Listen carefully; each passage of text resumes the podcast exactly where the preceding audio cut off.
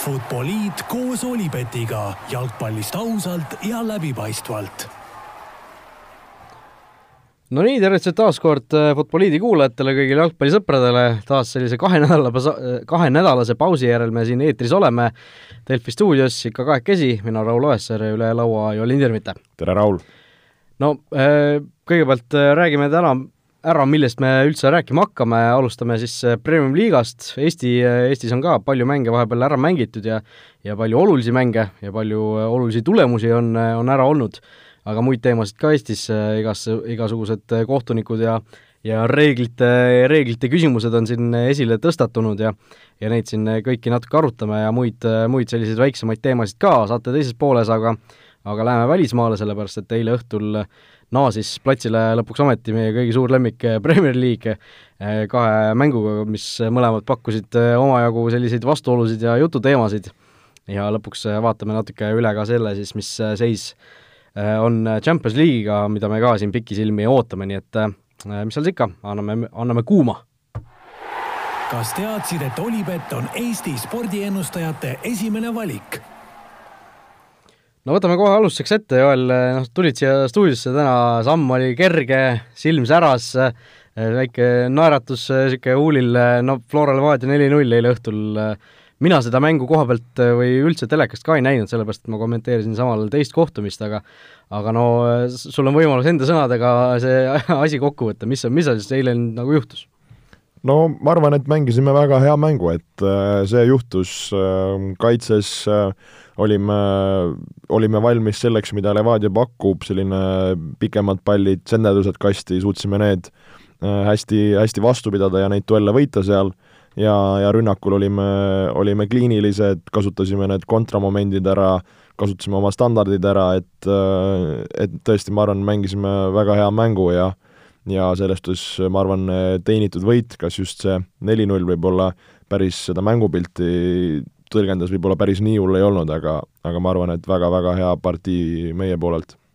no teine värav seal natuke oli selline vastuoluline võib-olla, et oli seal äh, Äh, väga ilus kombinatsioon, kõigepealt lassisin Javskilt, ma ei tea, mingisugune seitsmesaja meetrine spurt, eks ju, sinna tagam-, tagumise posti juurde, peaga pani selle palli sinna värava esisele, kas Rauno Sappinen sai sellele pihta, oli teil juttu ka riietusruumis? kusjuures äh, ei küsinud äh,, ma vaatasin ka kordust ja ma nagu ei, ei, ei saagi aru, kas seal on see puude või ei ole, pigem tunduks nagu, et ta ei saa sellele pallile pihta. aga kui aus olla, ma ei küsinud seda täna temalt jah, ma, mulle ka nagu vaatasin seda kordust üle ja mulle ka pigem tundus, et ta nagu just ei saanud sellele pallile pihta, et siin äh, oli ju paar nädalat tagasi seal Levadia Tammeka mängus oli, oli mõneti sarnane olukord, kus seal Juri Kolmojets vist oli, kes kannaga sellise imeõhukese puute sai, mis, mistõttu see värav äh, oli suluseisust, mis Levadia Tammekale siis kaks-kaks seisuks lõi. et, äh, et selles suhtes äh, noh, mõneti sarnased olukorrad, aga noh, tõesti see, nende kaamerapiltide pealt ei, ei olnud näha, et Zappinen oleks seda puudet teinud, nii et ütleme nii, et et selles suhtes kohtunikelt ilmselt õige otsus, ei saa kuidagi nagu ümber lükata seda, eks ju, ja ja noh, võib-olla kellel Zappinen Fantasy's oli, siis natuke kurvastasid, aga, aga noh, kui Zappinen oleks puutunud, siis tegelikult oleks see värav ju suluseisust olnud aga noh, mängu tulemust see kokkuvõttes väga palju ei mõjutanud, noh, saab muidugi alati rääkida ju, et oleks see värav löömata jäänud, oleks pikem, pikemalt üks-null olnud ja kõik võimalik olnud, aga aga lõpuks ikkagi Levadia no tundus seda viimast väravat vaadates videost, lihtsalt seda väravat, siis natuke oli juba nagu alla andnud või lagunenud, et kui Konstantin Vassiljev saab palli niimoodi omaks võtta, tõsta pea umbes äh, tribüünile kuskile lehvitada ja siseküljega see pall niimoodi võrku veeretada, siis ega seal kaitses kõik korras ei olnud päris vist no nagu ma ütlesin, et me teadsime, et seal nendes üleminekutes tekivad need ruumid ja need tuleb ära kasutada, et et see viimane värav oli ka hea näide, et kuna Levadia mängis väga ründavalt, viidi väga palju jõude ülespoole, siis paratamatult sinna nende liini ette ja selja taga tekib see ruum, et, et suutsime need hästi ja oskuslikult äh, seekord ära kasutada. no ajakirjanikud ja spetsialistid äh, siin äh, ennustasid Florat hooajal meistriks suhteliselt ühehäälselt isegi, väga üksikud olid need, kes kes äh, Levadiale või Paidele või Kaljule edu ennustasid, et praegu kaheksa vooru mängitud, Flora edu tabelis Levadia ees kuus punkti koguni, et et noh, pole paha vist. No pole paha, aga siin ma, su pilku vaadates ka, et siin on vara mingist äh, meistritiitlist äh, rääkida, et see kuus punkti on, on väga väike see ja meil on noh, ütleme, üks kolmandik ja natukene, või peaaegu üldse ütleme, üks kolmandik mängitud, et äh, siin on veel nii, nii palju minna, et mingit, mingit meistritiitli ja kulla juttu on äh, ütlemata vara, vara rääkida. okei okay,, ärme siis seda rohkem räägi, aga aga noh, samal ajal äh, nagu ütlesin, mina kommenteerisin teist mängu ja see teine mäng oli siis Nõmme Kalju ja Paide vahel. Paide võitis selle null-üks äh, või üks-null siis, Christopher Piht äh, ennistati põhikoosseisu Vastislav Zahovaiko poolt, noh, on siin palju juttu olnud, kui Piht on siin varem alustanud, et noh, Paidel on ka KTM-idega on ju kitsas käes ja ja eks kellegi peab sinna algkoosseisu panema, Piht KTM on ja ja teda nagu justkui sellepärast mängitati, aga seekord äh, ei olnud KTM-idega probleemi, oli nii Edgar Turr kui, oli vist Edgar Turr ka, kes KTM on Just. ja ja Siim Luts, äh, mõlemad äh, KTM-id olid peal äh, Paidel ja Piht sai ikkagi hoolimata sellest põhikoosseisus võimaluse, et Rissa Lubega jäi pingile ja noh, väga-väga ilusa värava lõi, Paide ehitas oma mänguplaani suuresti sellele üles, et et Pihti otsida nende püstsöötudega nende aeglasemate keskkaitsjate vastu ja ühe korra jookski ära, väga ilusa värava lõi ja noh, Paidele väga vajalik võit tabelis äh, on nad nüüd äh, Floral, või mitte Floral, vaid Levadial ja Paidel siis kannul, et äh, ja, ja Kaljust isegi, ei, Levadial ja Kaljul siis kannul, on ju. et Leva-, Kaljust isegi seal väravate vahega möödas, et või, või mitte väravate vahe, vaid omavahelise mänguga, ma siin eksin kahe lausega kolm korda umbes, on ju. aga noh, point on see, et, et Kaljul oli seda võitu väga vaja ja, ja tegelikult Paidel siis see asi ei lõpe ära, on ju. Paidel oli võitu väga vaja ja, ja selle nad kätte said, äh, minu meelest äh, väga noh, selline vääritud võit nende poolt, et äh, ma ei tea, kui palju, palju sina seda mingeid highlights'e näinud oled, aga aga, aga tegelikult oli korralik esitus nende poolt, et tundus, et natukene jälgisid võib-olla seda Flora malli, et et kui siin oligi ju Kalju Levadia mäng oli väga selline võitluslik Kalju pööras seal enda kasuks, teie ju Floraga läksite Kalju vastu mängima, noh, kui me siin enne ju Futboliidis rääkisime, et noh, tuleb väga selline rabe mäng, siis te läksite ikkagi oma mängu mängima, nägin enne, enne tegite ka muru peal ju trenni, ei läinud kuskil kunstmuru peal treenima, et läksite oma mängu mängima, saitegi võidu kätte, siis Paide üritas ilmselt natukene teie malli jä-, järgida, mulle, mulle tundus niimoodi. No ma highlight'e nägin, et tundus, et seal võib-olla Paidel olid äh, sellised paremad võimalused, aga tegelikult äh, parema õnne korral võib-olla oleks Kalju ka seal selle ühe, ühe kätte saanud, et, et noh, seal ongi sellistes suurtes mängudes, kas sa suudad seal ära realiseerida, kas sa suudad seal õigel ajal kellelegi ette jääda, suudab värava tassida, et et seal ongi nendes pisidetailides kinni ja, ja Paide ma arvan, selline just emotsionaalselt väga hea võit neile, et, et saada, saada ühelt nii-öelda suurelt ka see skalp kätte just see, sa, sedasama Skalbi juttu rääkis ju Saho Vaiko ka pärast mängu tegelikult, et küsisin ta käest, et nüüd kas ollakse nagu rahul, et äh, punktide mõttes ollakse, ollakse nüüd esikolmikul nagu järel, siis ta ütles, et pigem, pigem ollakse rahul just selle üle, et see suurelt on skalp nüüd võetud ja on see enesekindlusele kindlasti suur äh, selline äh, boonus, aga noh, Marko Kristali poolt vaadates siis noh, Kaljul tegelikult see mäng oli suhteliselt selline noh, tahaks öelda nagu ideetu, aga, aga seal ründekolmandikul oli ikka väga hambutuse asi, noh, ei saa muidugi üle ega ümber sellest, et ega neil ründajaid ju tegelikult ei ole praegu sisuliselt, et äh, Odilavio, kellele suured ootused pandi, on vigastatud, äh, Peeter Klein oli pikalt, oli pikalt samuti vigastatud, nüüd tuli küll eile vahetuses sisse, aga aga ei suutnud seal murret tuua ja noh, need kõik muud mehed, kes, keda seal ees on kasutatud, on ka ju pigem sellised hädavariandid ja ja siin eile tuli ka ju, või üleeile oli see uudis Alex-Mattias Tamme kohta, et temal ka tegelikult äh, on, äh, on suhteliselt keeruline, et ilmselt enne suve, suvist üleminekuakent võib-olla ei saagi teda ära registreerida, Kalju, et et äh, noh, väga kehvasti on neil ründajatega läinud ja see on ikkagi väga selgelt näha nende mängus. aga noh, Kalju kohta veel üks noh, täiesti uskumatuna tunduv fakt, et Hiiu staadionil viimasest kuuest mängust viis kaotust. et noh, ja, ja ainus võistkond, keda nad võitnud on, on Levadia. Et ei ole seal mingisugune selline Kuressaare või Tallinna Kalev, keda nad seal võitsid, aga Levadia et, et tõesti vii-, viimased kuuest mängust viis kaotust, et ei ei sobi see kuiv, kuiv kunstmuru ka ilmselt nende mängule kõige, kõige paremini, aga noh, see selleks. kohtunikest ka sina nüüd, ma lülitan sinu mikri igaks juhuks välja, et siin mingit jama ei tuleks, kohtunikelt ka natukene selliseid eksimusi seal, Robert Arajev, kes noh, olgem ausad, ütleme diplomaatiliselt, kelle, kelle jaoks on hooaja algus olnud keeruline äh, igas, igas neljas mängus on tal Premium-liigas või, või noh, üks oli superkarikas, aga on mingisugune selline skandaal õhus olnud ja tegelikult selles samas Kalju-Paide mängus ka see üks penalti, mis Paidele anti, mille Siim Lutsik kusjuures äh, vastu Marko Meeritsat lõi või mille Marko Meerits tõrjus siis, oli ka ikkagi suhteliselt sellise, selliselt kummaliselt antud, et, et tihtipeale just nagu need mängu lõpud või mängu lõpufaasid Rajevil natukene võivad, tundub ära kukkuda, et ma ei tea, kas see on mingisugune füüsise teema, mingisugune väsimuse teema, kuidagi kaob see kontsentratsioon ära, ei tea, igatahes, igatahes Tarajevilt ei ole, ei ole väga hea hooaja algus olnud äh,, ikkagi omal ajal FIFA kohtunik ka olnud, et loodetavasti tõuseb tagasi sellele oma, oma tasemele ikkagi. aga noh, kohtunikest rääkides või reeglitest rääkides, siis veel tegelikult ju äh, siin üleeilsest mängust siis Karl Romet Nõmmi olukord, Viljandi tuleviku väravavaht äh, Leegioni vastu väga intrigeerivas situatsioonis oli tegelikult äh, mängu lõpus täiesti viimastel minutitel tuli tagasi sööt, üritas seda puhtaks lüüa, libastus äh,, tugijalg libises ära löögi ajal äh,, sai sellele pallile noh, kannaga vist õrnalt pihta, pall veeres posti ja selleks, et ründaja seda väravasse ei lööks, siis Nõmm võttis palli kätte, kohtunikud vilistasid, andsid vaba löögi, andsid Nõmmile veel kollase ja pärast tuli välja, et kõik on, kõik on vale, mis kohtunikud tegid seal, on ju. No see oli üsna kentsakas olukord, ka, ka endal seda mängu vaadates tekkisid kohe nagu mõtted ja ideed, et äh, kui kõik seal see olukord lahti rullus, siis esmapilgul äh, tundus, et äh, oma sellise loogika järgi ei ole seal kohtuniku iga, iga reeglit lä läbi lugenud, aga aga tundus, et kõik õige,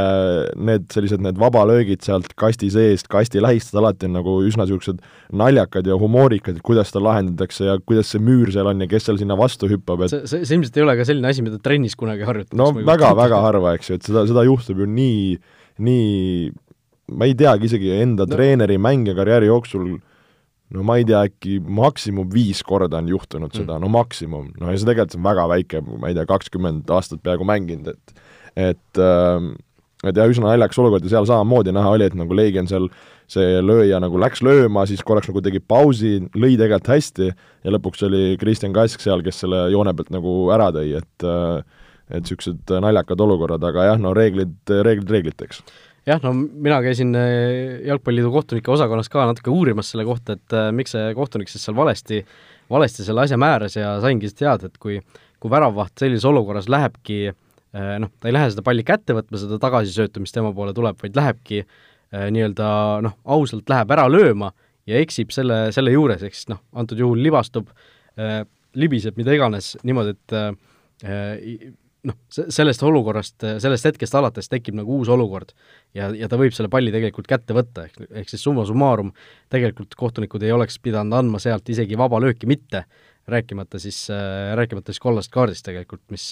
mis ilmselt kohtunikel äh, natuke läks segamini selle, selle vast äh, või noh, alles äh, siis jõustunud reegli muudatusega, mis ju tegelikult sätestab näiteks, et kui väravat mängib palli lahti ise, ja võtab seejärel palli kätte, et vastane selleni ei jõuaks, siis ta saab, siis ta saab kaardi, eks ju. et, et seal oli tegelikult mitu, mitu asja, mis nagu justkui valesti läksid, et aga noh, ma kohtunikke selles osas noh, eks natuke tuleb ikka, ikka ütleme, selles suhtes mingisugune nii-öelda verbaalne tutistus teha, eks ju, et et kui, kui reegleid ei tunne, siis, siis noh, sellel nagu õigustust justkui ei ole, aga aga see olukord oli tegelikult nii kummaline lihtsalt ja nii äh, nii justkui sellise jalgpallitunnetuse vastu, et, et noh, ma ei, ma isegi nagu ei süüdistaks kohtunikke selles, et okei okay,, see kollane kaart võib-olla oli liiast, aga nagu see, see, et selle eest vabalöök anti, tundus justkui nagu õige otsus. no just, et et kui see põhjendus välja tuli ja mis sa ka tood, siis nagu et see noh, et kus läheb see piir, nagu hakkad mõtlema, et siis, et äh, kas ta tahab seda palli mängida, kas ta ebaõnnestub, et, et seal on natukene nagu võiks olla, mõtled, et ku-, mis, mis on siis see, et paned jala palli peale, ütled, et ma tahtsin mängida, mul läks nässu ja võtab palli kätte, et ma saan aru, et seal ongi nüüd küsimus see, et kas see, kui tahtlik või kui mittetahtlik see on? noh, kohtunik peab ütlema ära siis, ära siis tunnetama, kas väravvaht antud juhul teeb seda siis nii-öelda ausalt, tõsiselt, kas ta tahab päriselt seda palli mängida või ta tahabki seda reeglit ära kasutada, et et see on noh, õhuke piir tegelikult, eks ju, et, et kohtunikul peavad ikka päris suured munad olema, kui ta otsustab, et ai, sa vist ei, sa vist tahtsid ära kasutada seda, ma ikkagi annan siit vabalöögi, midagi sellist, et et see on, on tõesti selline väga piiripealne olukord, et et aga noh, kui teinekord midagi sellist juhtub, siis äh, ilmselt Eesti jalgpalli jälgijad natukene targemad on, tuleb midagi meelde, eks ju, aga aga tõesti, noh, minul oli Nõmme selleks vooruks täpselt toodud väravasse Fantasy'sse, nii et kollane kaart. Ei, ei ole õnnelik mina ja oleks sealt veel värav ka löödud, ai-ai et aga noh, selliseid asju juhtub, pole midagi teha, eks Premier League'as kuidagi on selline tunne, et,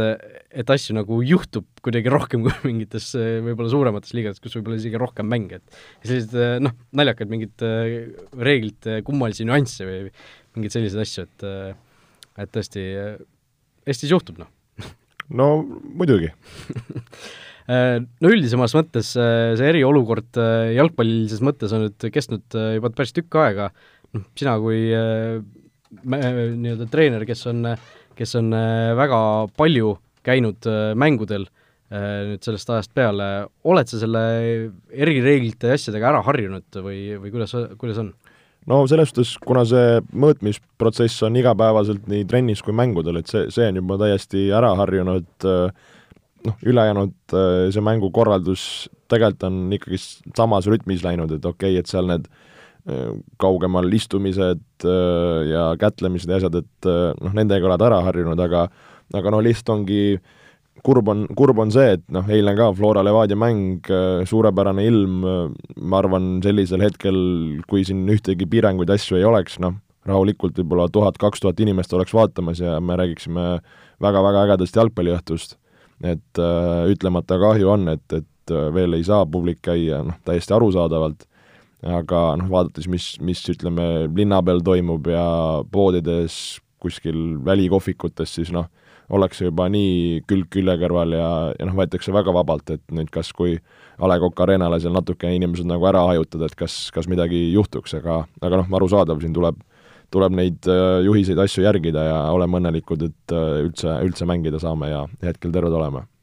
jah, peaaegu kaks nädalat siis veel tegelikult äh, tuleb siis sellises olukorras äh, hakkama saada, aga noh, pole midagi parata, eks eks see ole meie praegune olukord, eh, nagu sa ütlesid tõesti, et hea, et üldse saab mängida, et Inglismaa liiga ju alles alustas näiteks ja ja eks neid liigasid on veel, mis on üldse ju ära lõpetatud ja nii edasi, et et et eks see, eks see ole selline asi, millega tuleb praegu lihtsalt, lihtsalt leppida. aga üks teema veel tegelikult, mis Eestit puudutab otsapidi, noh, siin tuli välja uudis, et UEFA otsustab siis need euromängude eelringid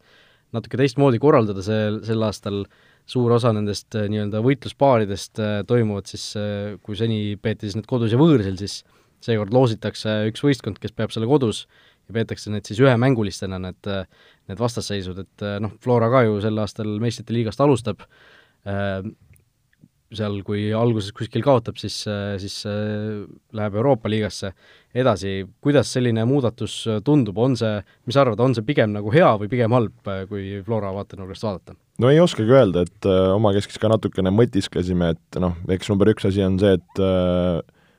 et ku-, kus, kus mäng toimub, et kas saad kodus ja võõrsil kohtumise, teine küsimus on, et noh, selleks ajaks, kas nüüd publik asjad on lubatud, kas nad on täies ulatuses lubatud, et kui saadki kuskil äh, Iisraeli või Serbias äh, kõvas kuskil katlas võõrsil mängu, ma ei tea, kolmekümne viie kraadiga suurte fännidega, et noh, siis on ütlemata raske mäng, saad samas, saad kodus,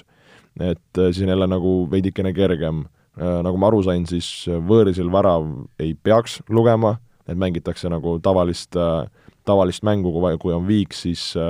lisaaeg ja penaltid, et ma, ma ei, ma ei oskagi öelda, ma arvan, pigem võib-olla isegi positiivne, et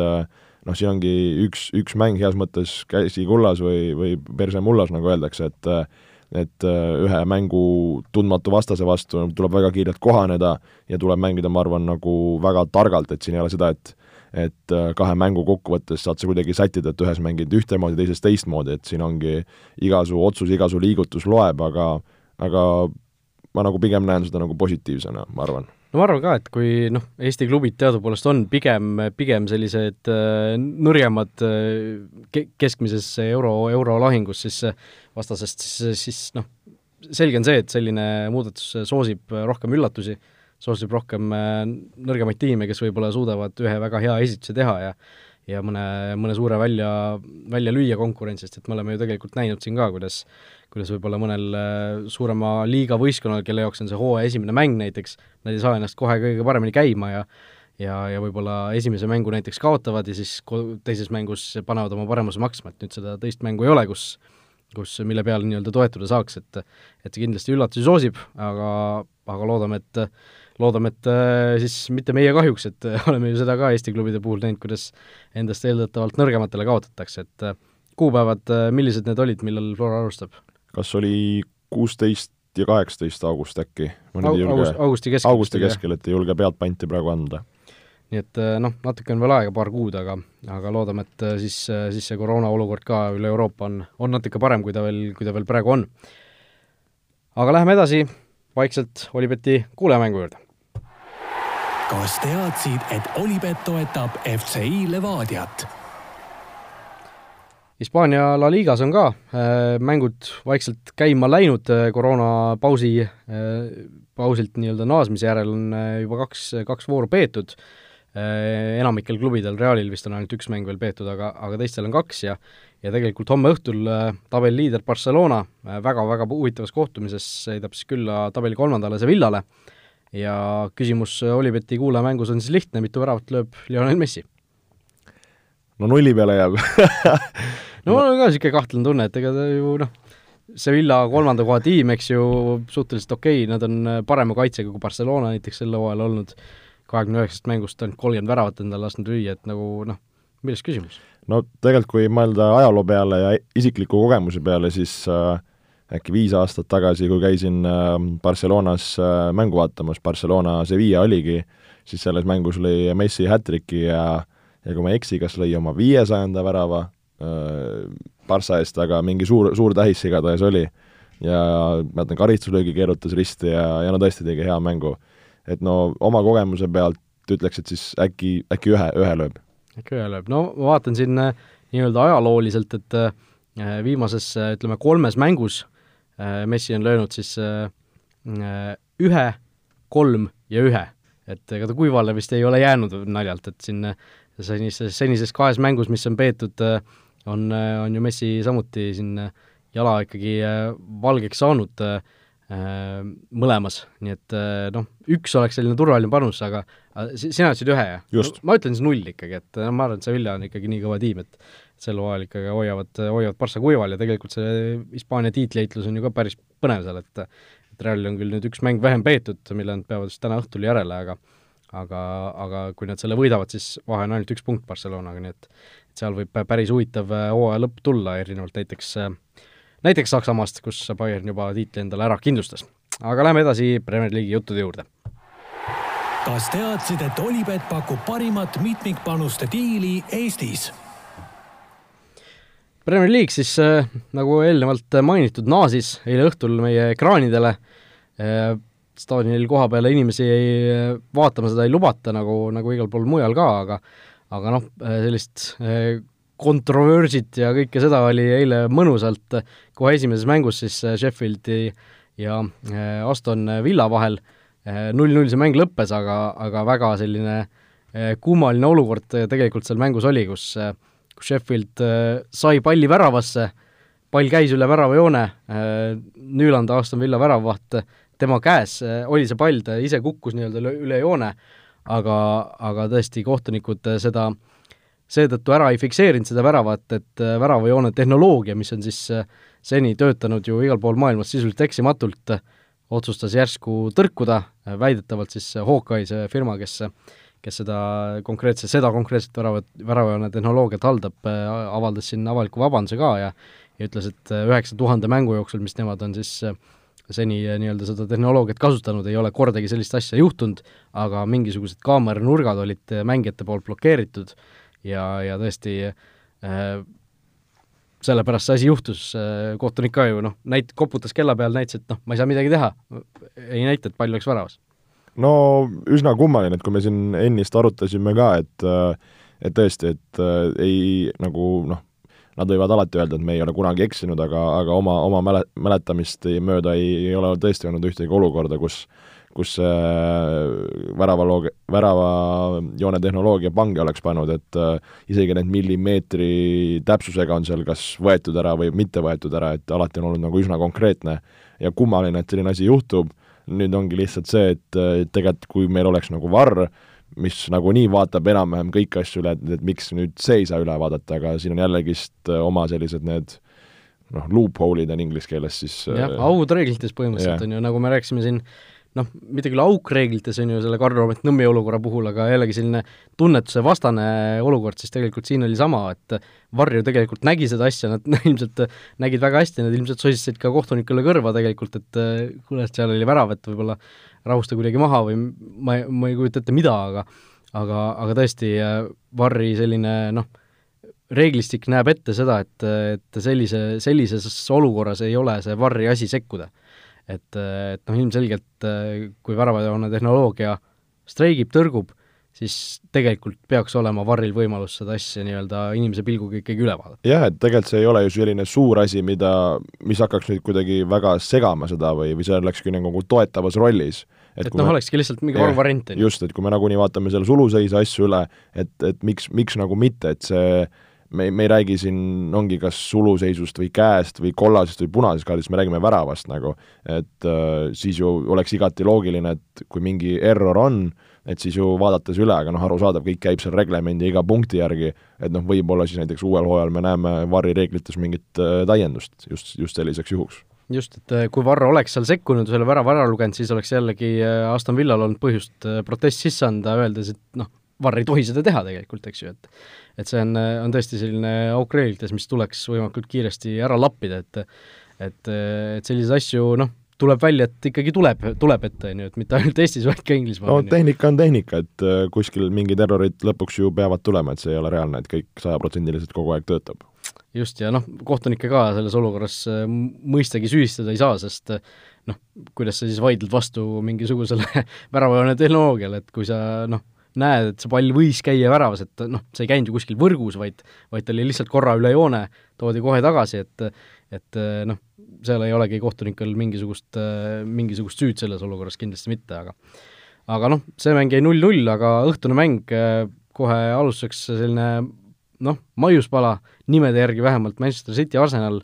City võttis kindla kolm-null võidu ja ja noh, selle mängu nii-öelda jutumärkides peakangelane oli vist David Luiz no David Luiz, et siin võib äh, pikalt kõike, kõike rääkida, aga aga ma arvan, Arsenali jaoks äh, see mäng oli niisugune täielik niisugune äh,, nagu on seal, lähed äh, seal lõbustuspargis sinna õuduste majja ja siis üks asi hakkab järjest järgmise asjaga juhtuma, et äh, et see, et seal kohe mängu alguses äh, Granit Xhaka seal oma, kas tundus seal hüpekat või või, või mingit sääreluu piirkonda seal vigastas, sul läheb, läheb üks mängija äh, vahetusse ja siis sul tuleb äh, keskkaitse juba uuesti kahekümne neljandal minutil peale, ehk sul on kahekümne neljandaks minutiks on, on kaks venda välja läinud äh, praktiliselt nagu olematutest olukordadest. Ja, ja noh, sul on teatud mänguplaan, sul on teatud ülesanded vastavalt nende mängijatele ja, ja see mängu sissesulandumine ei ole nii kerge, et kohe nagu Mikel Artetal, mehel, kes siis läks öö, äh, oma endistele sõpradele külla, lootes teha midagi huvitavat sealt hammustada aga sul on esimeseks kahekümne viieks minutiks juba korralik selline error äh, pihta hakanud ja siis sul tuleb sinna peale David Luiz, kes kõigepealt äh, käkib noh, täiesti absurdse puhastamise, kus Sterling lööb selle palli sisse ja, ja lisaks sinna lõppu veel äh, noh, täiesti idiootse punase kaardi, kus ta laseb, laseb ründajal minema joosta, tirib, tirib ja noh, pole, pole šanssugi, et ta seal seda kuidagi võidaks ja, ja tirib lõpuks maha ja, ja ka ja sealt penalti välja valub, et äh, noh, see David Luisi personaalküsimus on, no ütleme ausalt, ikkagist üsna, üsna terav. nojah, siin äh, tõesti ju on teemad püsti pandud, et kas David Luiz mängis oma viimase mängu Arsenalis, kas David Luiz mängis oma viimase mängu Premier League'is üldse, et et noh, kes teda veel, kes teda veel tahtma peaks, et Arsenaliga tal uut lepingut ju praegu ei ole. nojah, et seal oligi ka ja ma saan aru, et äh, see pärast mängu eri, noh, mida tegelikult David Luisi puhul välja tuua, et seal pärast mängu võeti intervjuu Artetalt, kes äh, seisis David Luisi eest, äh, küll üsna mossis näoga, aga arusaadavalt, aga David Luis ise oli riietusruumist välja tulnud, palunud siis ka Sky Sportsi nii-öelda intervjuule, vabandas seal, ütles, et see on puhas tema jama ja kõik see, et selles suhtes nagu respekt mehele, et ta võtab selle vastutuse ja, ja, ja on julge seal selge sirge rääkima aga, aga kui sa küsisid, et noh, et kas, kas selle, mis ta nii-öelda edasine tulevik on, siis seda küll ei tea, et äh, kui ma õigesti aru sain tema lepingu küsimusest, tal oli vist pluss üks aasta võimalik siis lepingut pikendada, siis klubi ja, ja tema nii-öelda koostöös seal oli mingi aga, et Luis tundus, et oleks võinud juba kas kuu-kaks varem sellest nagu loobuda ja reaalselt mitte mängida, otsustas mängida, et seal on natukene seda Äh, lepingu nii-öelda poleemikat seal ümber võib-olla, mis veidikene segab siin ka mängimist. aga minu jaoks lihtsalt nagu üllatav, et äh, noh, see natukene käib ka Arsenali kohta, et kuidas David Luisi-sugune mees, kes, kes võib-olla no ei olnud ju väga palju aastaid tagasi, kui, kui ta Conte Chelsea's äh, oli väga heas rollis, tulid, tulid nad tiitlile, BSG-s tegelikult mängis aga, aga pärast seda on see nagu just, just Arsenalis ja mujal on ta veidikene muutunud selliseks nagu naerualuseks ja ja ikka tal oli nagu kogu aeg oli see niisugune noh, selline variant oli nagu õhus, et ta kägib midagi, on ju, et ta, ta vahel tegi väga häid mänge, aga siis tal jällegi tulid sellised asjad sisse kogu aeg. nojah, et aga ma arvangi, et nagu tema puhul nagu kaks asja, et et noh, et number üks, et siin räägiti ka, mis, mis, kui sa mõeld-, kui mõelda näiteks Conte Chelsea peale, et kui tal ongi nagu väga tugevad kas partnerid ümber või väga tugev võistkonna struktuur ümber ja kui ta on see üks väikene pusletükk seal sees, siis ta suudab nagu mängida ja, ja oma rolli täita ja selles hea olla. sest tõesti, selles Conte Chelsea's ta mängis seda keskmist keskkaitset ja ta oli väga hea selles. ja no Conte Chelsea keeras ikka korralikult lukku ka. ja samamoodi tegelikult BSG-s seal oli otsustavaid väravaid, oli hea aga kui mõelda nagu Arsenali peale, kus sul ongi võib-olla üsna selline mm, noor võistkond, asjad ei ole võib-olla nii paigas ja nüüd sa vaatad nagu Luisi suunas, et tema peab olema nagu see mees, kes vastutab, kes, kes tassib, kes, kes on see nagu kõva vend, noh siis, siis paraku enam ta see mees ei ole. ja, ja ma arvan, osalt seetõttu ka see, et et äh, ka see võib-olla see Brasiilia pass ja veri ja see olemus, noh, me tegelikult oleme ju näinud varemgi, kuidas need prassid nagu mingi hetk on väga-väga head ja siis see nagu kukkumine on nagu jube järsk ja jube kiire. et on see selline füüsiline, on see selline mentaalsus, on see niisugune vormi käest laskmine. et äh, aga noh, fakt on see, et Arsenali keskkaitsjad on nagunii problemaatiline piirkond, siin on Mustafi, siin on äh, Sokratis, siin on Luis, noh nüüd toodi see Pablo Mari, kes tegelikult ka ei ole nüüd ma ütleks, väga hea vend, et äh, noh, et paratamatult on seal komplekteerimises ka jäänud väga, väga suured nagu probleemid et kui sa tahad mängida nagu kõrget mängu, siis noh, selliste meestega sa, sa tegelikult ei mängi. noh, Luisi puhul noh, mis mind nagu paneb jällegi kulmu keritama mõnes mõttes, on see, et hooaja alguses maksti ju tema eest noh, kaheksa miljonit. kui sa mõtled äh,, Ragnar Klavan, kes on noh, kaks aastat, natuke vähem kui kaks aastat vanem äh,, tema eest maksti kuskil üks koma viis miljonit, noh kas Klavan on, on siis nagu väga palju halvem mees kui Luis üldse või? või kas üldse on halvem, et et noh, tegelikult äh, nagu naljakas, et Luisi puhul teavad kõik, et tal on sellised mängud seal sees peidus, eks ju, aga temast ikkagi makstakse nii palju, teda, teda hinnatakse, tiirleb siin erinevates suurklubides äh, ringi, eks ju, et et noh, see on, äh, on nagu noh, ta on selline mängija, kes teeb selliseid asju, no kas või see MM-i poolfinaal, noh, see ei ole midagi uut, eks ju. et äh, kus ta, kus tal oli ka ju täiesti, täiesti kohutav mäng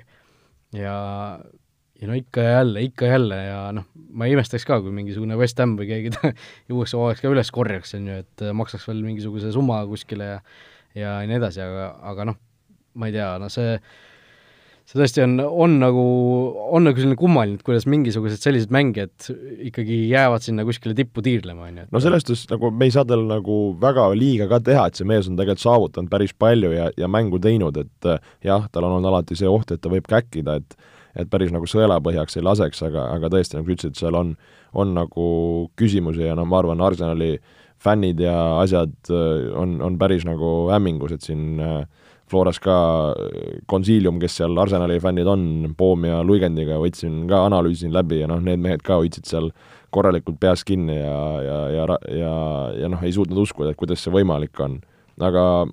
mida nagu Arsenali peale, kui ma eile seda mängu hakkasin vaatama ja, ja ka koosseisude peale mõtlesin, siis äh, no tegelikult äh,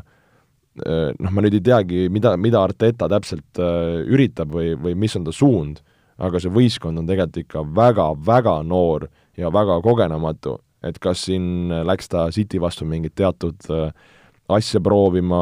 mingit värskust, mingit, ma ei tea, teravust aga kui mõelda, et Arsenal on kogu aeg olnud selline top tiim ja, ja, ja, ja noh, mängib ikkagist eurokohtadele ja medalitele, siis äh, ma ei ole kindel, et äh, kas nüüd siin järgmise kahe-kolme hooaja jooksul nad suudavad seda nagu kehtestada ja kas nad suudavad siin häid mängijaid kinni hoida, nagu Aubameyangi asjad, kui Aubameyangil ka järgmine aasta see leping hakkab lõppema, et äh, et või, miks ta peaks nagu jätkama miks ta peaks jätkama, et mis on see nagu argument, et kui isegi ei mängita nagu meistrite liigat või Euroopa liigat, et mängid seal Premier League'i kaheksanda, üheksanda koha peale, siis kui sa vaatad nagu, kes seal eespool on, need võistkonnad, Leicesterid, Chelsea'd, Unitedid, Tottenhamid, Wolvesid, kes, kes kogu aeg toovad endale nagu häid vendi, et äh, ma ei, ma ei näe nagu vendi, kes, kes tõstaks nagu, et oleks käte merd, et kes nüüd Arsenali tahaks tulla. ja noh, samas nagu kui mõelda, vaadata neid koosseisu, kes, kes eile mängisid, tulid vahetusest, Wilcock, üheksakümmend üheksa aasta poiss, Saka kaks tuhat üks, Nketiah üheksakümmend üheksa, Riis Nelson üheksakümmend üheksa, Maitland Niles üheksakümmend seitse, noh, Konduzi on üheksakümmend üheksa,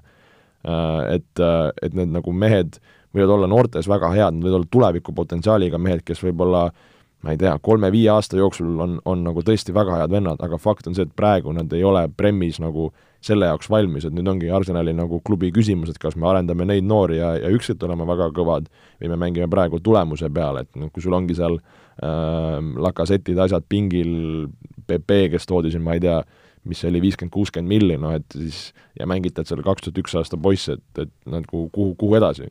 noh, et oleks siis Arsenalil tõesti sel hooajal juba kõik läinud, et okei okay,, võtame siis äh, nii-öelda, vaatame, kes meil siin on noortest, et vaatame, kes, kes kaelab, kes kannab kaela või, või mitte, et aga noh, tegelikult nad on küll üheksandal kohal, aga see vahe ju esiviisikuga on viis punkti ainult. et, äh, et see, seal ei ole sellist asja, et me oleme nüüd selleks, selleks hooajaks nii-öelda alla andnud ja ja vaatame, mis äh, hooaja lõppudes saame eksperimenteerida, midagi sellist, et tegelikult ju noh, viies koht, me teame, võib tähendada meistrite liiga kohta sel hooajal Inglismaal, et äh, selle nimel oleks ju Arsenalil tegelikult väga palju, mille nimel nii-öelda võidelda, et et äh, tegelikult äh, tõesti, Mikel Artetal seisab ees siin viimases üheksas mängus siis sel hooajal väga selline huvitav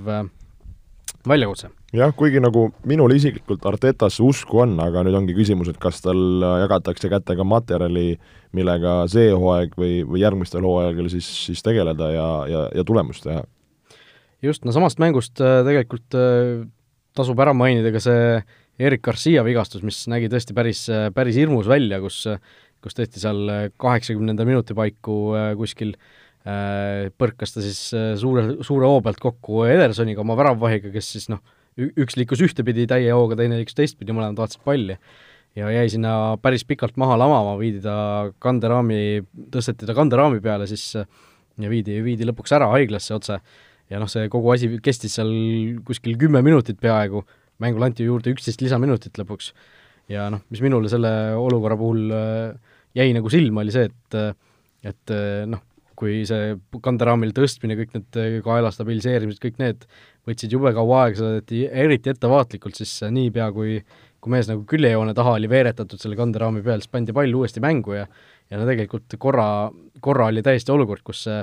kus see mäng ja pall oli, oli täiesti tema juures, noh, ta oli küljejoone kõrval, et et kui seal oleks keegi, ma ei tea, tasakaalu kaotanud, sinna pihta läinud, palliga oleks pihta saanud, mida iganes, et et see oleks ju olnud väga ohtlik, et et mulle tundus nagu kummaline, et et noh, kui sa teed nagu nii, nii, nii palju, et, et kõik turvaline oleks, siis noh, oota see kolmkümmend sekundit veel, kui, kuni see mees nagu kuskil varju all on või ohutus kohas, et et aga noh, hea on, hea on vähemalt tõdeda, et nüüd ta on väidetavalt haiglast väljas ja midagi väga tõsist õnneks viga ei ole jah, seda küll, aga no tuleb Cityt kiita, et äh, noh, kui sa oled ülekaalus ka üks mängija vähemuses, siis noh, City vastu sul tegelikult varianti ei ole, et, et tegid, tegid oma ära, suutsid ära realiseerida, no tegelikult näha oli, et ka seal oli sellist esimese mängu roostet, kus Sterling ei saanud seal paar korda pallile pihta ja koperdas ja ja mingid momendid, et äh, et arusaadavalt see, see algus ka, ma arvan, Premier League'i võistkondadel on, on veidikene konarlik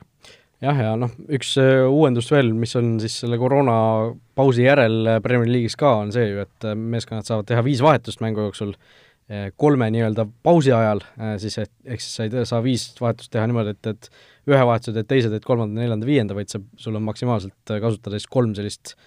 nii-öelda kohta, kus sa saad vahetusi teha, aga sa saad siis kokku teha viis vahetust ja noh, kui vaadata, kes seal Cityl mängu tulid vahetusest, Foden, Bernardo Silva, Rodri, Fernandinho, Aguero, et et see ikka suurtele, suurtele tiimidele, pika pingiga tiimidele on ikka päris, päris, päris hea asi, et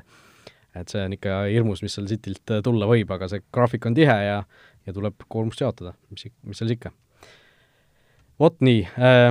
üks asi veel, mis tegelikult Premier League'i puhul ju noh, ka palju kardeti, see publiku hääl nii-öelda, mis on kunstlikult lisatud mängule, minule see kusjuures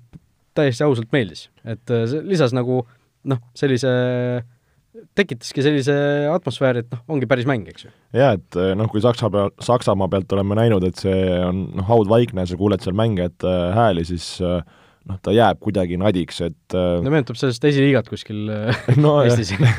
Et äh, alguses, kui noh, räägiti, et äh, noh, ka meil äh, noh, räägitigi, et kas, kas lisatakse või lisada, meil ka Eestis, ma tean, küsiti seda, et äkki, äkki panna, see tund-, tund-, kusjuures Kalju on seda nüüd teinud ju. just, just. et äh,, et ta tundus natuke võib-olla nagu kummaline ja kentsakas, aga, aga samas nagu eilse mängu puhul pigem oli see normaalne, City oli pannud seal mingid bännerid sinna äh, istekohtade peal, et äh, et oli nagu rohkem ikka jalka moodi, mis sest, et ta oli nagu veidikene võib-olla kunstlik või, või mitte päris see, aga ma arvan, parem kui, parem kui see vaikus jah, eks see, eks selle nii-öelda DJ töö, kes seal seda häält peab äh, kruttima,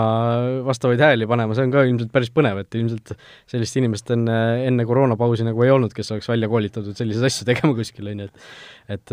et noh, seal oligi, seal Sheffieldi mängus oli olnud, kus Dean Henderson oli teinud sellise täiesti suhteliselt tavalise tõrje või umbes püüdnud palli kinni ja siis oli tulnud mingisugune maruline aplaus selle taustaks, et see oli, oli nagu kummaliselt kõlanud, aga noh, see, see selleks, et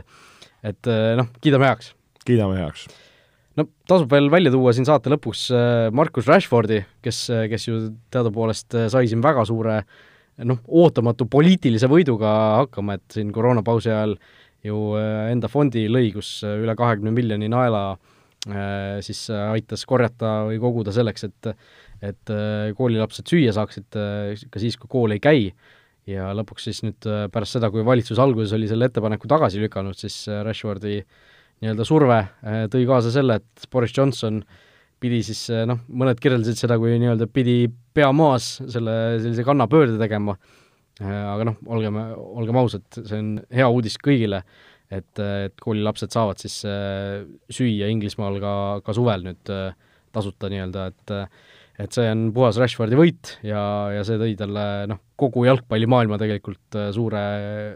heakskiidu, austuse seal Liverpool, Manchester City, Unitedi suured rivaalid ju mõlemad ju seal sotsiaalmeedias säutsusid, et vau wow,, Rashford, milline tegu ja oleme, oleme uhked ja nii edasi, et et äh, äge on näha, kuidas jalgpall vahel nagu ikkagi kokku hoiab ja te-, te-, tegelikult täpselt sama asi on ju selle sama Black Lives Matteriga, kus kus kõik äh, või-, võistkonnad, kohtunikud äh, enne mängu selle põlvitamisžesti ära teevad, et selliseid asju on äge näha. jaa, et just nimelt, et see kokkuhoidmine ja, ja nii-öelda õige asja eest seismine, et ma arvan, see on, see on oluline ja ja no, noh, sportlaste, tippsportlaste puhul on, on võimalus neid elusid mõjutada ja selliseid algatusi teha, et kui äh, kui ükskõik mis spordialaga tegelev äh, sportlane nagu seda teeb, siis see on ainult kiiduväärt, et ta, ta mõtleb suuremalt kui ainult see, et mis, mis autoga ta sõidab või, või kui mitu basseini tal majas on, et, äh, et kiidame, kiidame ka siit äh, Rashfordi. just, ja noh, viimased, nii. jaa, et, et mis meid siis veel ees ootab siin uhketest Premier League'i mängudest, mida, mida välja tuua jah, no siin äh, tegelikult täna õhtul äh, millegipärast mänge ei ole, aga või noh, sellepärast ei ole ilmselt, et need äh, eilsed mängud olid ju need, mis nii-öelda olid veel pidamata nendest pidamat- või noh, juba peetud voorudest nii-öelda, kui keegi saab aru, mida ma mõtlen, nii-öelda järelpeetud mängud, aga aga nüüd reedel algab juba uus voor ja ja Premier League'i mängud on ka siis mitmetele päevadele üle nii-öelda ära, ära hajutatud, et kõik samal ajal ei oleks ja reede õhtul juba Tottenham Manchester United, Jose Murillo siis äh, oma endise klubi vastu kõlab päris magusalt. no kõlab magusalt, äh, Morinho ju siin äh, koroona ajal tegi, tegi meestega salaja pargis trenni ja, ja ei tea mida kõike veel, et võib-olla Tottenhami mehed on, on jube heas vormis ja ja Ole Gunnar, kes on niisugune tubli ja korralik poiss, jälgisid reegleid, siis äkki United on sellises kehvas vormis, aga noh, nali naljaks, kindlasti väga-väga hea mäng ja, ja selline, ma arvan, nüüd ka ju Tottenhami vigastatud mehed, sõjaväes käinud mehed on kõik tagasi ja, ja ja tundub, et niisugune parimas koosseisus saadakse peale minna, et et ma arvan, selline no loodame, et Morinho seal kinni keerama ei lähe, et võiks nagu väravaid oodata. nojah, sa, samas need koroonajärgsed mängud sageli on olnud natuke niisugused rabedad ja võib-olla need väravad on keerulisemad tulema, aga samas tõesti Spursi jaoks tuli ju päris heal ajal see paus, sellepärast et nad olid ju täiesti vabalanguses enne seda nii meistrite liigas kui kui Premier League'is. Ainult kaotusi siin järjest said ja, ja noh, saavadki natuke ennast koguda ja tõesti mehed, mehed terveks ja ja uue hooga peale, et selles suhtes on huvitav näha, mis nad, mis nad siin hooaja lõpus suudavad, kui tabelisse vaadata, siis nad on ju kaheksandal kohal, noh, Arsenalist ühe punkti võrra eespool, et et ja aga nagu me ütlesime, siis noh,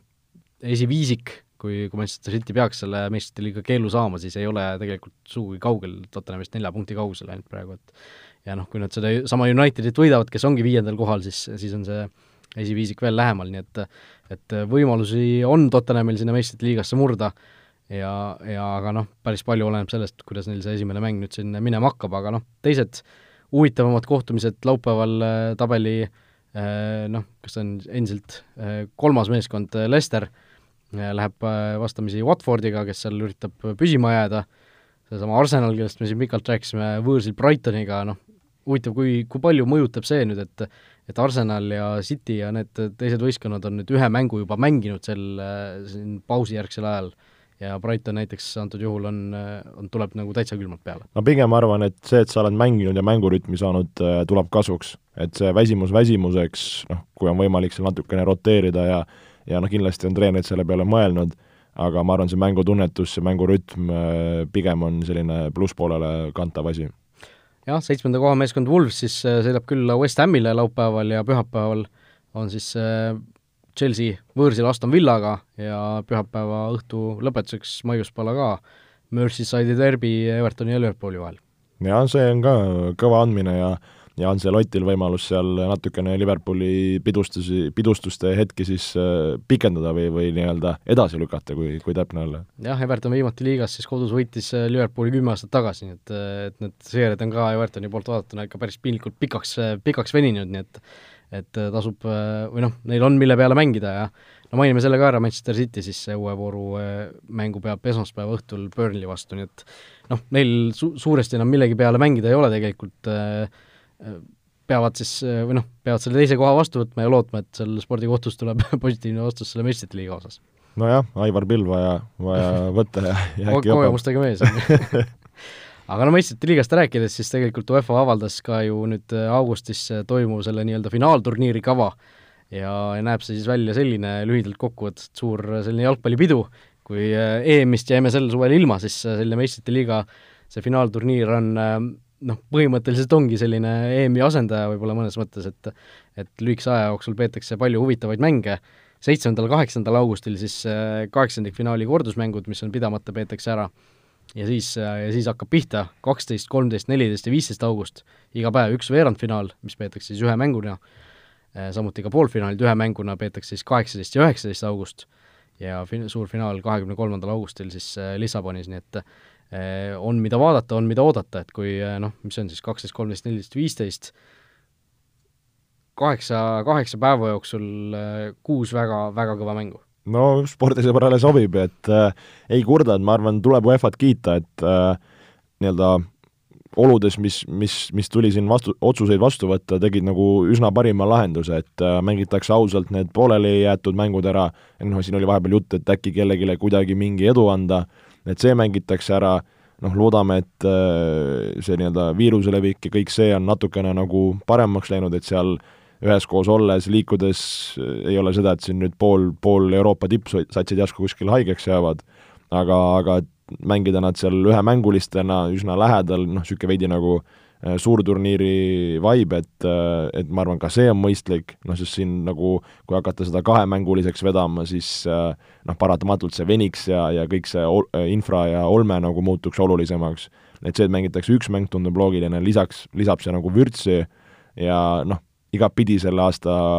Champa on natukene kummaline ja jääb, jääb meelde, aga noh, kogu see aasta, ma arvan, jääb, jääb kogu, kogu ühiskonnale meelde, et äh, et ma arvan, et selles suhtes tehtud nagu väga hea otsus ja neid, ma arvan, neid maiuspalasid tuleb ikka korralikult ja ja selleks ajaks, kui on need kodused liigad mängitud, on võistkonnad saanud äh, ütleme, sellise hea mängurütmi, hea taseme jälle kätte, et ma arvan, me näeme seal nagu väga, väga ägedat ja, ja kõva jalgpalli. Jah, selles suhtes ka huvitav ju, et tegelikult erinevate riikide võistkonnad on suhteliselt erinevas seisus, et Saksamaal ju järgmisel nädalal juba lõpeb liiga ära ja neil on noh, peaaegu kaks kuud ongi pausi ju tegelikult, enne kui see meistrite liiga Bayerni jaoks jätkub, et et äh, tõesti äh, huvitav näha, kuidas seal nüüd need meeskonnad siis selle asjaga kohanevad, aga üks, üks super asi selle meistrite liiga kohta veel, veerandfinaalis ja poolfinaalis võõrsil väravate reeglit ei ole, ei, ei ole enam asja, mis rikuks, rikuks need paarid ära, et üks mäng, võitja võtab kõik ja ja, ja tõesti väga huvitav, et võib-olla isegi noh, mõnes mõttes nagu põnevam isegi kui tavaline formaat, on ju. jaa, ja no lisavürtsi, mis lisab, kui täna lugesin ka, et tundub, et seal Timo Werneriga saadi Chelsea üleminek äh, paika, et noh, et kui on räägitud ka siin äh, suve jooksul, et, äh, et kui lepingud lõpevad, kuidas, kas neid pikendatakse, saavad mängijad priiks, mis iganes, et ma sain arugi, et kuna Werneri puhul tegelikult ju Red Bull on edasi ja ka kuna ta on nii-öelda Chelsea mängija juba sellel ajal, siis ta nii-öelda Red Bulli eest meistrite liigat mängida ei, ei saa ja Red Bull kaotab tänu sellele väga, väga olulise lüli. Et noh, kas selliseid mängijaid, tippmängijaid võib veel tulla ja mida see nagu meistrite liiga raames äh, võiks tähendada? jah, tõesti äh, huvitavad küsimused kõik, on ju, et tuletame võib-olla meelde ka, kes siin äh, meistrite liigas veel üldse elus on, et sellest ajast on nii palju mööda läinud, et, et enam võib-olla ei olegi kõigil meeles. meistrite liigas siis edasi, veerandfinaali on pääsu taganud siis BSG, seesama Leipzig, Atalanta ja Atletico Madrid, kes siis Liverpooli mäletatavasti alistas. Ja kaheksandikfinaalid on pidamata veel siis Real Madridi ja Manchester City paaris, mis on ju väga, väga magus, magus paar, siis on veel pidamata Chelsea ja Müncheni Bayerni paaris, kus Bayern võttis siis kolm-null edu kaasa, on pidamata veel Lyoni ja Juventuse paaris, kus Lyon mäletatavasti kodumängu üks-null võitis ja on pidamata siis veel ka Napoli ja Barcelona mängus, kus esimene mäng jäi üks-üks viiki, nii et et tegelikult eh, noh, kõik, kui tõesti Bayern ilmselt Chelsea vastu on eh, edasipääsu noh, lävel, ütleme nii, siis, eh, siis teises mäng, teistes mängudes kõigis on väga palju veel kaalul ja siis noh, väga palju väga põnevaid mänge, ütleme nii, kokkuvõtteks. jah, ja nagu hea, et need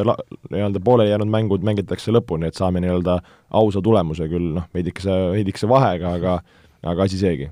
just nii. meie siit aga tänaseks lõpetame, aitäh kõigile, kes meid kuulasid ja mis seal ikka, oleme tagasi juba loodetavasti uuel nädalal nüüd ikka. just, olge mõnusad! vutiviikendi parimad kohvid leiad Olipetist